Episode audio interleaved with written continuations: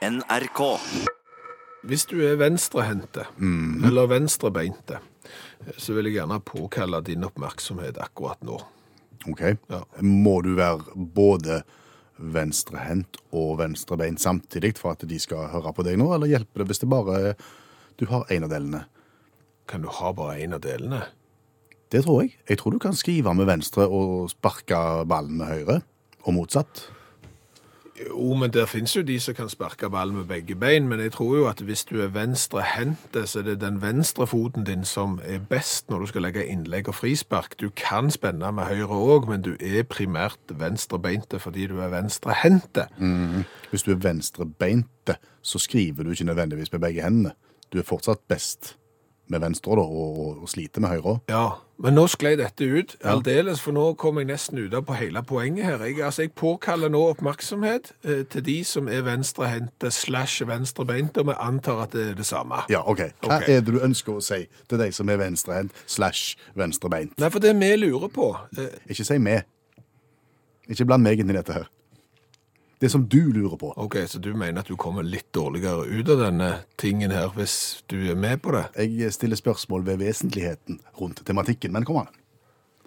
Det var voldsomt med eventualiteter før vi overhodet kom i gang med spørsmålet. Spørsmålet mitt til alle venstrehendte slash venstrebeinte, og det er mitt spørsmål, du er ikke med på dette, det er hva et buksebein tar du på deg først? Send svar på SMS til 1987, start meldingen med utakt. Hvilket buksebein tar du på deg først dersom du er venstrebeint skråstrek venstrehendt? Ja. Hvorfor lurer du på det? Fordi at jeg er jo høyrehendt og høyrebeint. Ja. Eh, og jeg tar alltid på meg det høyre buksebeinet først. Da, altså sett, sett fra Gylfens side. OK, du begynner der. Ja. Eh, Alltid 100% konsekvent. Skal jeg ta på meg benklær, tar jeg på meg det høyre beinet først. Og skal jeg ta på meg skjorte, jakke, eh, dressjakke, sånn, så tar jeg alltid den høyre armen Ermen. Ja, ja. Nei, nei, du putter den høyre armen inn i ermen. Ja, det Ja, gjør jeg. erme. Først. Ja, akkurat. Og så lurer jo jeg på, siden jeg gjør dette konsekvent, eh, og er høyrehendt, er det da motsatt for de som er venstrehendte? Ok, Og hvis det nå var det, Ja. Hva er relevansen? Er ingenting. Nei, det det er bare for. Nei, men, men det, altså, hva er relevansen? Det er jo litt interessant. Kanskje. Er det ikke det? Jo, kanskje. Jo. Hva med sko, da?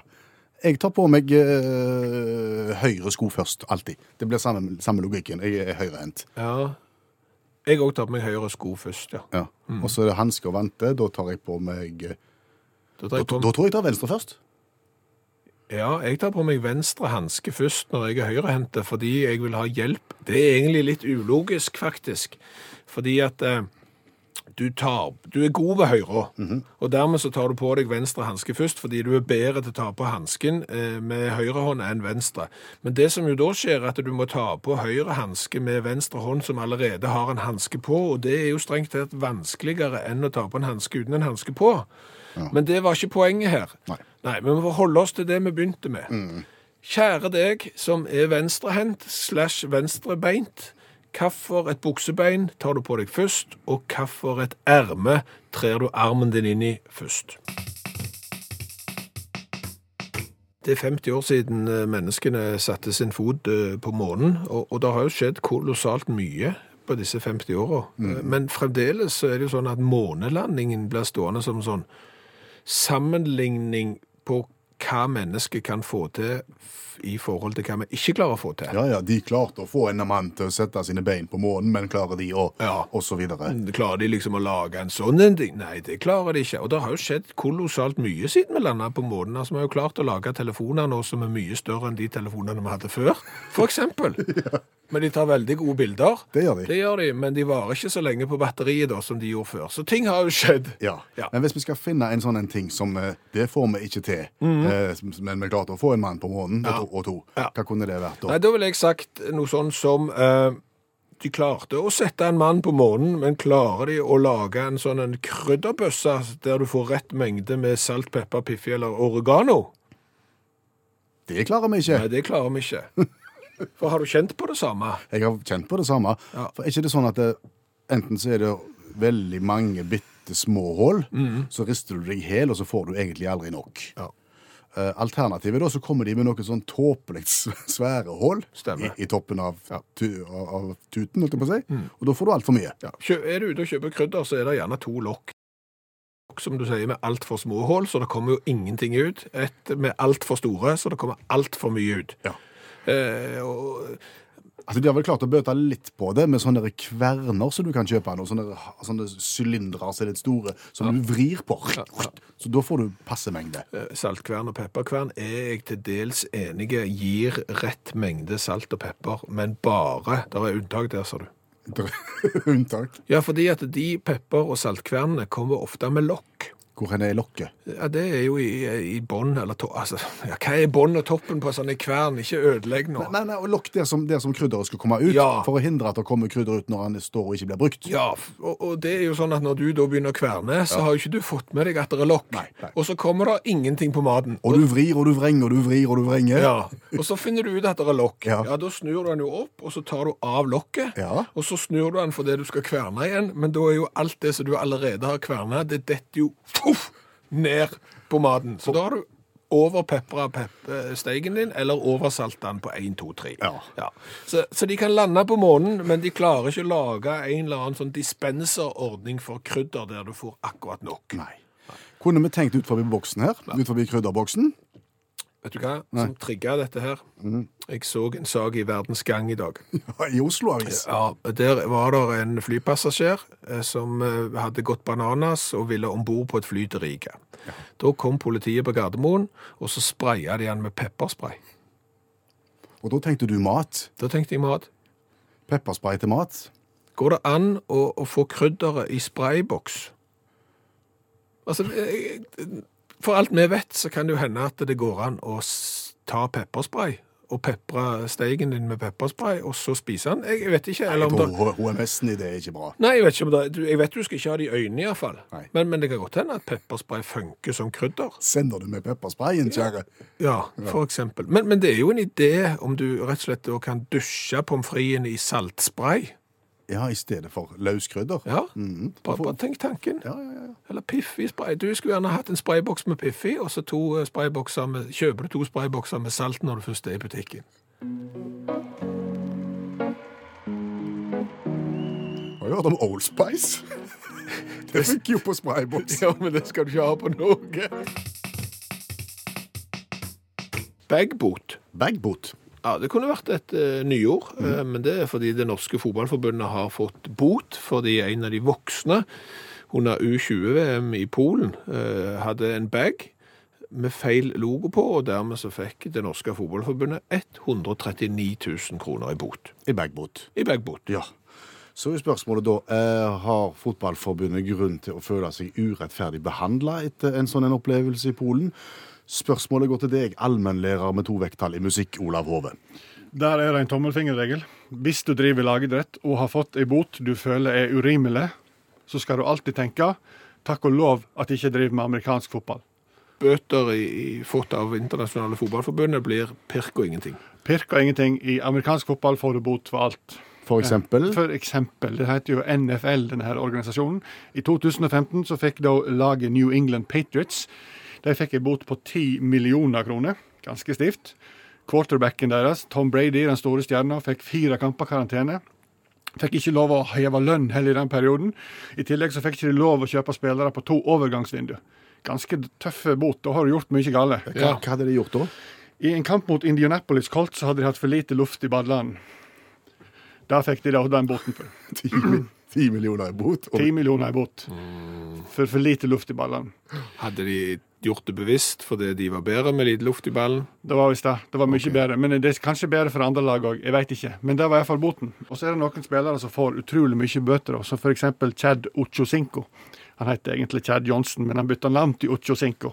for å gjøre det enkelt. Ja, For han skulle hedre sitt meksikanske opphav. Han, Da kunne han, jo like så godt kalt seg for Fred Taco eller noe sånt. det kunne han gjort, men han, men han meldte det inn til folkeregisteret. Og så varma han opp før en kamp med Ochocinco på ryggen, bare for å teste ut det nye etternavnet. Ikke under kampen, selvfølgelig. Fikk selvfølgelig 50 000 i bot for å ha spilt med feil, varma opp med feil navn på ryggen. da. Oppvarmingsbot der, altså. Oppvarmingsbota. Eh, han eh, han eh, oppdaga at NFL de har ikke mye humor heller, så etter en gang han skåra touchdown, altså lage mål. Så fikk han lagkameratene, hadde avtalt med lagkameratene at de skulle komme fram med en poncho og en sombrero for å hedre hans meksikanske opphav. Fikk selvfølgelig 25 000 kroner i bot for å ha fornedra og, og fornærma det meksikanske folk, da. Neste gang han skårte, så begynte han å plystre Mexican Whistler. Ja, men, men uh, uansett hva den her godeste Ochocinco gjorde i karrieren sin, så fikk han bot for det. Han prøvde å tøysebestikke en dommer med én dollar, fikk 35 000 kroner i bot. Alt mulig. Til slutt da, til slutt så marsjerer han ut på en kamp med et skilt der det står 'Kjære NFL, vær så snill, ikke gi meg mer bøter'. Noen fikk 85 000 kroner i bot. Selvfølgelig. Men når det gjelder eh, enkeltspillere som har fått størst bot i løpet av én sesong, så er det da Marshawn Lynch fra Seattle Seahawks som har rekorden. Han fikk i løpet av 2014-sesongen 1,3 millioner kroner i bot. Og første millionen den er ikke så interessant. Det var for han ikke møtte opp på pressetreff hele året. Så fikk han det, Men de 300 000 er ganske interessante. Aha. For det er to bøter fordelt på 150 000 kroner for å, etter å skåre touchdown, ta seg sjøl i skrittet og røske litt ved to anledninger. 300 000 kroner i bot fikk han da. Altså Michael Jackson gjorde jo det på scenen hele veien, og han fikk jo millioner av kroner for å gjøre det. Ja, for samtidig, faktisk omtrent helt samtidig med at han her godeste eh, Lynch gjør dette her, så er det en annen spiller, Vontans Burfitt. Han gjør akkurat det samme. Tar skrittet og røsker til, men får bare 100 000 i bot. Han gjør det òg to ganger. Eneste forskjellen er at han tar andre sitt skritt. Han tar ikke i eget skritt. Så 300 000 for å røske deg sjøl i skrittet, 100 000 hvis du røsker i andre sitt. Logikk i oppskrytt. Da har vi fått perspektiv på denne saken også. Ja, da har vi det. Da skal du passe på, hvis du er på U20-VM neste gang i fotball, så skal du passe på at du har bag med rett logo, og ta andre folk i skrittet. Det er mye billigere enn å ta i sitt eget. Takk, Olav Hove, allmennlærer med to vekttall i musikk.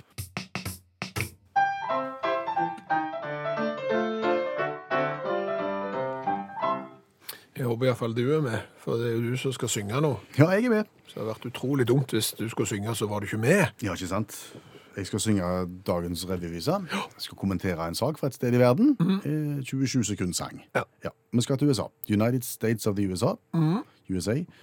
New York. Ja, Eh, togstans Okay. på grunn av mistenkelig pakke funnet på perrong. Å, ja, ja, ja. Det er sånn, sånn som du får beskjed om på flyplasser og jernbanestasjoner. Please leave no luggage unattended og sånn, fordi at da blir det fjernet, og det kan være eksplosiver og sånn. Ja. Altså Her finner de da en pakke, og, og en stopper togtrafikken. Det spesielle er jo hva pakken inneholder.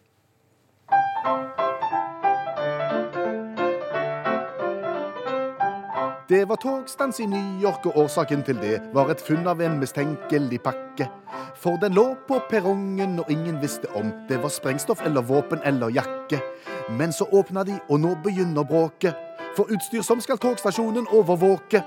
Det var det som lå i pakken og stansa all trafikk. Et pakkeparadoks ble løst før toget gikk.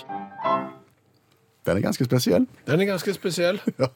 Der kommer det altså en togfører, lokomotivfører, togfører, kjører han inn mot stasjonen og ser da denne pakken ligge der, og tar da kontakt med sine overordnede om at her ligger det en mistenkelig pakke, dette må vi få finne ut av.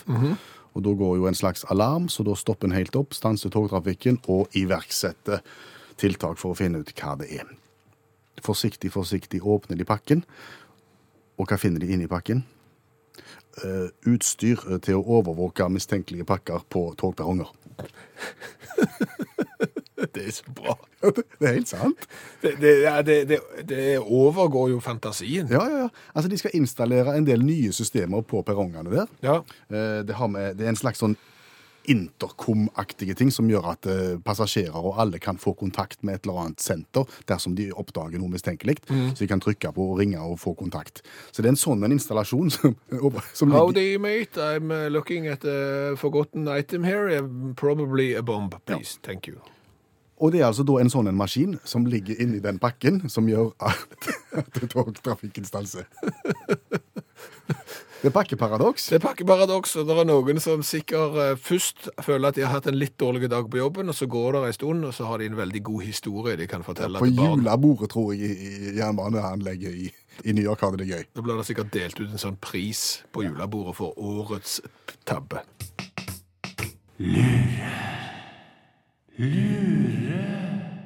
Ting du lurte på men ikke visste du lurte på. Mm, han er ikke god, men jeg skjønner hvor du vil. Ja, Han er ikke god, men fordelen med han er at han er kort. Ja, Og sier egentlig ganske greit hva vi skal gå, gå løs på. Ting du lurte på som du ikke visste at du lurte på. Ja, For har du gått og lurt på i det siste, når du kikker på mobiltelefonen din og eventuelt tar fram kamera på mobiltelefonen din og tar et bilde, har du eh, lurt på når første mobiltelefon med kamera kom? Ikke i utgangspunktet, Ikke utgangspunktet, nei. Nei. nei. men når du nå bringer det på bane, Ja. så begynner jeg å lure. Og dermed så blir det en ting som jeg lurer på, som jeg ikke visste at jeg lurte på. Ja. Eh, Kan svar- jeg gjette? Ja, det er klart du kan få gjette hvis du er absolutt på død og vill. Jeg, jeg, jeg, på død og vill, ja. Død og vill. Død og liv. Jeg gjetter at den første kom eh, på seint 90-tall. Vil jeg gjette. Ja, Eller det- kan, kanskje vi har runda 2000. Nei, vi er sent 90-tall. Vi er så sent 90-tall som du faktisk kan komme. Og hva er det seneste 90-tallet du kan komme til? Kan det være 1999? Det kan være 1999, ja. Sier du det første? Ja, det er da eh, Kyocera VP210. Heter fabrikanten? Det er eh, i mai 1999 i Japan så eh, kommer da Kyocera ut med sin VP210-telefon, eh, som er den første telefonen med kamera på. Og, og det kameraet du har nå på din mobiltelefon, det er et såkalt 12 megapixel-kamera. Det betyr at det er et veldig godt kamera. Du har 12 millioner billedpunkt. 12 megapiksler, altså 12 millioner piksler kan du ta bilde. Hva er billedpunkt for noe? Ja, det er jo et punkt. Det er som om du skulle tegne en tegning, og så gjorde du det bare med punkter. Så hvis du kunne tegne et bilde med 12 millioner punkter, så kunne det fort se ut som en bra tegning. Hvor mange sånne punkter var det i det første kameraet som kom? 110 000. Det høres jo mye ut, det, jo, men det er jo ikke mye i forhold til 12 millioner. Nei, det er veldig lite faktisk. Det er 0,11 megapiksler. Det er forsvinnende lite, og bildene er ikke spesielt gode. Men dette er da i 99, og så er jo ikke det Du kan si det var den første telefonen som kom i salg i Japan og i verden med, med fotoapparat i. Det var jo noen som hadde eksperimentert med dette før, eh, allerede tilbake på begynnelsen av 90-tallet. Og det var jo en liten eh, trave der, en, en, en kjekk liten kar, han Daniel Henderson. Okay. Han skulle bli far i 1993. eh, Og han fant ut det kunne vært greit hvis alle liksom, slekt og venner og den slags kunne se bilder fra fødsel. Det har jeg aldri forstått fascinasjonen for, men det kan vi ta en annen gang. Han ville da dele bilder fra fødselen umiddelbart. Nei.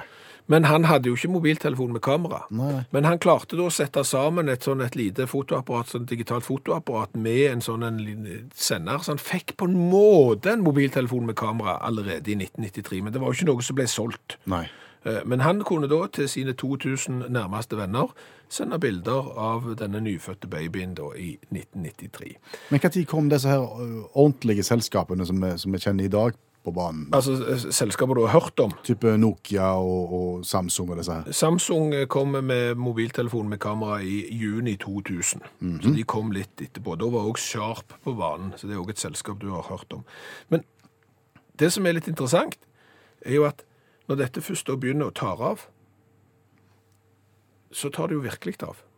Og hva tid tror du? Altså den første mobiltelefonen med mobilkamera kom i 1999.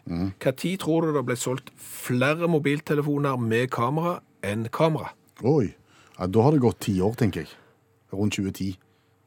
2006. 2006 så gikk kameramobiltelefonen forbi fotoapparat. Og vet du hva tid jeg kjøpte fotoapparat? Litt før det, tenker jeg. Litt etter, faktisk. Ja, ja. 2007, oh, VM på ski i Sapporo i Japan. Der er det jo gigantiske butikker med all slags kjekt elektronikk. Mhm. Kunne helt sikkert kjøpt eh, mobiltelefon med fotoapparat. Ikke han far, nei. Nei. Han gikk inn og ba om et fotoapparat. Mm. Året etter at eh, mobiltelefonen hadde solgt mer enn fotoapparat. Ja, ja. Kan ikke alltid være markedsledende heller. Nå har vi lært litt. Ja. Tenkte vi skulle snakke litt om ø, uttrykk som vi godt forstår betydningen av, og vi skjønner hvor en vil hen, men hvis en går litt djupere inn i uttrykket, så er det galt. ja, du tenker på henvendelsen fra Vegard. Ja, som snakker om uh, brøkdel. For en bruker jo gjerne uttrykket altså, Det var jo bare en brøkdel av befolkningen som kom. Eller det var bare en brøkdel av maten som ble spist opp. Eh, da vil jo vi fortelle det at en brøkdel kan være veldig mye. Ja, altså For det første, så, så du kan jo ha tre fjerdedeler. Det er jo veldig mye. Ja. Det er jo 75% Det er jo tre av fire. Det er jo kjempemye. Men uh, bare en brøkdel, som en tredjedel vil jo være bare en brøkdel av maten ble for eksempel spist opp. En tredjedel. Men en tredjedel er jo òg veldig mye. Ja, ikke sant? Og fordi at du assosierer umiddelbart en brøkdel med bitte, bitte lite. Ja. Og det blir ikke nødvendigvis rett. Nei, det blir ikke det. Det er jo ikke før du kommer ned i sånn en tidel og en tolvdel og en femtendedel. Det er jo da det begynner å bli en brøkdel. Ikke sant? Eh, Etter det, før det, så, er det jo ikke en brøkdel, selv om det er en brøkdel. Mm, nettopp. Ja, det, er jo veldig interessant problemstilling, Vegard. Ja, så kanskje en skulle sagt altså bare en liten brøkdel. Hvis, altså, hvis, den, hvis den hadde hengt på liten, Ja, Må du inn og spesifisere teller og nevner, da? det blir litt komplisert. Ja, det blir jo det, egentlig. Ja. Altså Det er forholdet mellom teller og nevner her som egentlig avgjør om det Ja, for du kan jo ha, du kan ha en liten brøkdel, men med, med ganske stort tall på telleren. ja, Telleren er på toppen. Ja, altså 14 15-deler er jo en brøkdel, men det er en veldig stor brøkdel. Det er ikke en liten brøkdel. Det blir rot, dette. Ja, det ble rot. Merker du det? Ja. Det er litt som når folk snakker om at de ikke eier skrupler. Ja. Ja, For hva er nå en skruppel, da? Eh, altså, en skruppel er jo nesten ingenting. Altså, når du, når du er skruppelløs, Ja. det vil du si at du ikke har skrupler. Du er tom for skrupler. Du har gjerne hatt skrupler, men, men så har du enten mista de, eller kasta de, eller du, har- du, du har ikke skrupler Ja, lenger. ja, hva mener vi når at noen ikke har skrupler? Han eide ikke skrupler. Nei, da, ja, ja, hva, hva er det egentlig du prøver å si da? Nei, Han hadde ingen mot, eller Ja? Ja, hva, hva er ordet det? Ja, ja, nei, nei det, det altså du, du går over lik Ja. for å få ting til. Altså du, du Ingen- har ingen, Ingen hemninger. ingen hemninger, ingen empati. empati. mor, moralsk kompass, Ja. kan du si. Ja. Det, det er da mangel på skrupler. Ja, ja. OK. Skruppel er en benevnelse, en, en, altså en nevne, lengdebenevnelse. Ja, skruppel er rett og slett en måleenhet. Ja, og- og, og hvis du har én skruppel Altså hvis du går i butikken, Ja. eh, går til, til trevaren og sier at du skulle hatt én skruppel med impregnert tofir, ja vel. Materiale, altså. ja, så hadde du fått 0,1764 millimeter. Altså 0,2 millimeter snaut det er én skruppel. Altså det er jo ikke bredere enn et hår. Én skruppel. Skruppel er ingenting. Nei. Så du kan si at hvis du har skrupler, Ja. så har du nesten ingenting. Nei. Og hvis du er skruppelløs, så har du overhodet ingenting. Men du ser at skillet mellom å ha og ikke ha skrupler, det er jo ingenting nesten. Hva har vi lært i dag? Mye. Bra. Kolossalt mye, faktisk. Ja. Eh, vi har lært det at eh, folk kan lande på månen. Men å konstruere da en eh, krydderbeholder eh, der du får rett mengde med salt, pepper, piffi eller oregano, nei, det klarer vi ikke helt å få til. For enten er hullet for lite, eller så er det for stort. Og gjerne altfor stort. Ja. Eh, Så det har vi ikke fått til. Eh, Vi har lært at den første kommersielle mobiltelefonen med kamera var en Kyocera VP210 som ble, eh, kom på markedet i Japan i mai 1999. Med et kamera som da var på 0,11 megapiksler. Det kameraet du har i din mobil i dag, Øystein, det er 12 megapiksler. Så det er store forskjell. Men så gikk det fort. Fra mai 1999 til 2006 så tok kameramobiltelefonen helt overhånd, og i 2006 så selges det flere kameramobiltelefoner enn kamera. Det har vi lært. Eh, Så har vi lært at det var nok eh, en som kommer til å bli hengt ut på julebordet til de jernbaneansatte i New York. Yes, Reece. Han kom kjørende med tog og så en mistenkelig pakke på perrongen og slo alarm. Ja, og det førte til tog, togstans. Det gjør det gjerne hvis det er etterlatte pakker på jernbanestasjoner. Eh, Den pakken ble jo da undersøkt grundig, og det viste seg å være jernbanen sjøl som hadde satt ut utstyr som skulle brukes i forbindelse med etterlatte pakker. Ja. Ja. Ja, Overvåking av etterlatte bakker Ja. lå i pakken. Det var den pakken som førte til at det ble stopp i togtrafikken. Det er spennende. Pakkeparadoks. Så har vi lært noe mer fra USA. Det er nemlig at det er billigere å ta eh, noen andre skritt enn seg sjøl. Ja, I overført betydning, da. Fordi at amerikanske fotballspiller fikk 150 000 i bot for å ta seg sjøl i skrittet når han da feira en scoring. Mens en annen fikk 100 000 i bot for å ha tatt en annen i skrittet. Så skal du feire skåring i amerikansk fotball, så er det mye billigere å ta andre folk i skrittet enn seg sjøl. Eh, Så har jeg lært at jeg av og til så må jeg angre på at jeg har spurt folk om ting. For vi har jo da spurt i dag, eh, fordi vi satt på kontoret og diskuterte hvilket buksebein tar vi foten inn i først, og hvilket erme tar vi armen inn, armen inn i først når vi kler oss. Eh, Ja. Eh, Svaret for vår egen del var jo høyre, i, og med at vi begge er høyrehendte. Så lurte vi på da hva, hva er, er det motsatt hos venstrehendte. Ja, Og svaret er Svaret er ikke. Det, det spriker i alle bauger og kanter. Folk som er venstrehendte tar på seg som om de var høyrehendte, folk som er høyrebeinte tar på seg som om de var venstrehendte og beinte. Det, det, Du kan ikke stole på noen? Du kan ikke stole på noen. Altså, jeg tar på meg venstre buksebein først, alltid. Er jeg venstrehendte for det, spør Benedicte? Kanskje ikke. Alltid høyre side først på både bukse, jakke, sko og hansker, selv om jeg er venstrehendte. Nei. Ser du det? Det spriker. Og Leon, Tor Leon, det er jo bare altså Han skriver med venstre hånd, men sparker fotball med høyre fot og tar på seg buksa med høyre fot først. Så det der er bare Det angrer jeg på at jeg okay. Spurte om. Anne Berit hun kaster håndball med venstre, men sparker fotball med høyre, og hun kan skrive med høyre. Så det Nei. Dropp den. Ja.